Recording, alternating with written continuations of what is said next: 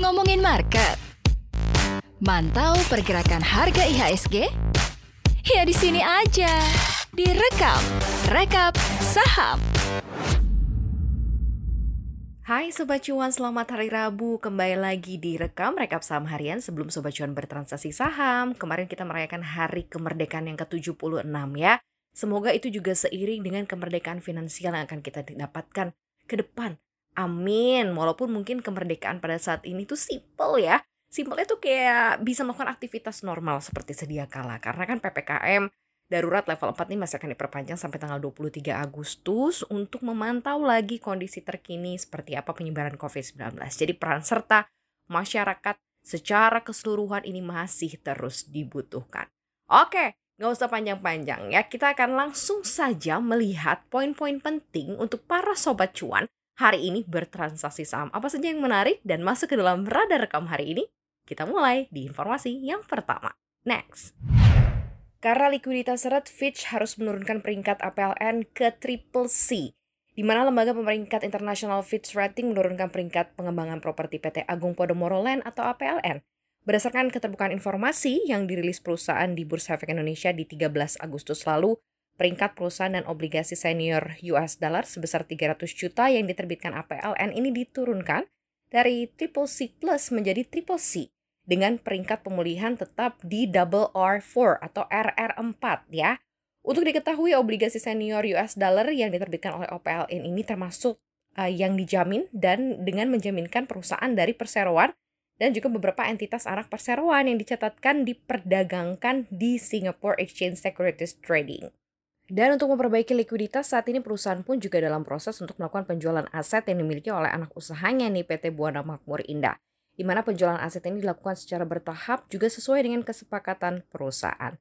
Selain aset berupa bidang tanah, perusahaan juga akan melakukan penjualan kepemilikan saham BMI dalam Transhexa Karawang sebesar 7,13 juta atau sekitar 6,56 persen. Jadi Fitch itu melihatnya jangka panjang ya. Kalau misal sebuah lembaga pemeringkat menurunkan peringkat ini mungkin disinyalir begitu ya akan uh, menghadapi kesulitan. Jadi harus dilihat di kualitas dari surat hutang yang akan diterbitkan. Mungkin ini sedikit buat uh, eh, APLN ya melihat lagi mengkaji lagi uh, balancing untuk kinerja keuangannya sehingga nanti ratingnya bisa balik lagi jadi lebih baik. Kita ke info selanjutnya ya. Next. Sudah 76 tahun nih Indonesia merdeka. Seperti apa ya kira-kira kondisi dari pasar saham? Apakah masih dijajah asing? Kalau dilihat dari jumlah investor pasar modal terus mengalami peningkatan, apalagi di kondisi pandemi ya, tidak berlebihan kalau di tahun lalu juga disebut sebagai tahun renaissance alias kebangkitan investor retail domestik.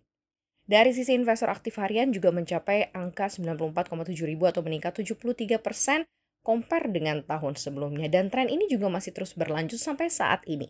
Karena berdasarkan data Custodian Central Effect Indonesia per Juli 2021 jumlah investor pasar modal ini naik 50,4 persen dibandingkan dengan tahun 2020. Dan a single investor identifications adalah nomor identitas tunggal yang dikeluarkan oleh KSE kepada investor terbaru dari data per 6 Agustus 2021. Jumlah SID-nya juga mencapai 9,6 juta SID. Pertumbuhan signifikan tersebut juga dikarenakan masuknya peserta tabungan perumahan rakyat Tapera ke dalam sistem multi investasi terpadu atau S Multivast KSE yang beroperasi sejak 10 Juni 2021. Nah lantas dalam rangka peringati Hari Kemerdekaan Indonesia ke-76 nih pertanyaannya, bagaimana sebenarnya kekuatan investor lokal ya di hadapan investor asing ketika berlaga di bursa nasional? Apakah investor lokal sudah berhasil merdeka di tanah airnya sendiri? Nah, saat ini investor lokal mendominasi ternyata nilai aset saham dalam bentuk saham scriptless atau non-warkat yang tercatat di data KSEI. Dan sebagai informasi, saham scriptless ini merupakan saham yang pencatatannya juga sudah dikonversi ke dalam bentuk elektronik digital Sisanya masih ada saham yang dalam bentuk warkat, yang biasanya dipegang oleh pengendali perusahaan tercatat.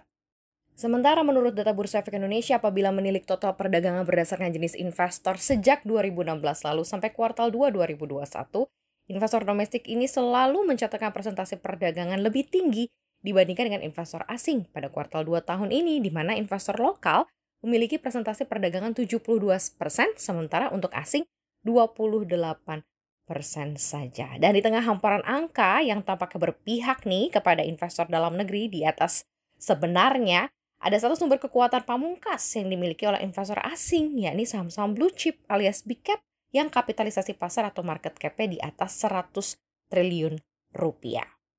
Menurut data 10 besar saham plus big cap dari KSEI, 7 saham non-market blue chip secara mayoritas dikuasai oleh asing. Kepemilikan di saham perbankan dengan nilai kapitalisasi pasar besar seperti BCA ini menjadi yang paling jomplang Asing memiliki 80,23 persen dari saham Skrip plus BCA, sementara lokal hanya 19,77 persen saja. Begitu juga dengan saham perbankan BUMN atau BBRI di peringkat kedua, di mana saham dengan nilai kapitalisasi terjumbo ini di mana investor asing menggenggam 79,05 persen saham Skrip plus bank, sedangkan investor domestik hanya 20,95 persen saja. Melihat komposisi asing yang lebih unggul, ya tentu saja mengindikasikan besarnya pengaruh asing terhadap pergerakan kedua saham raksasa di bursa itu. Sebagaimana diketahui kan ini juga saham-saham penggerak indeks harga saham gabungan secara keseluruhan.